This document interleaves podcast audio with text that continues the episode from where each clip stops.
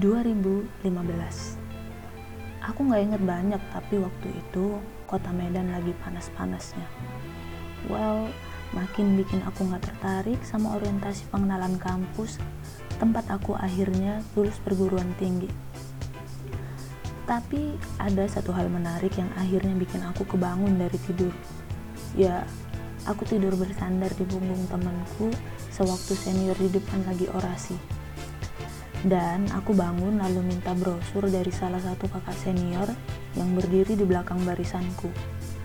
Dia bawa brosur promosi dan lembar pendaftaran salah satu UKK yang nggak pernah aku pikirin sebelumnya. Cerita milik Erisila Alan Zarwis berawal dari sini. Annyeong, selamat datang di catatan Enggar yang fotonya origami burung bangau.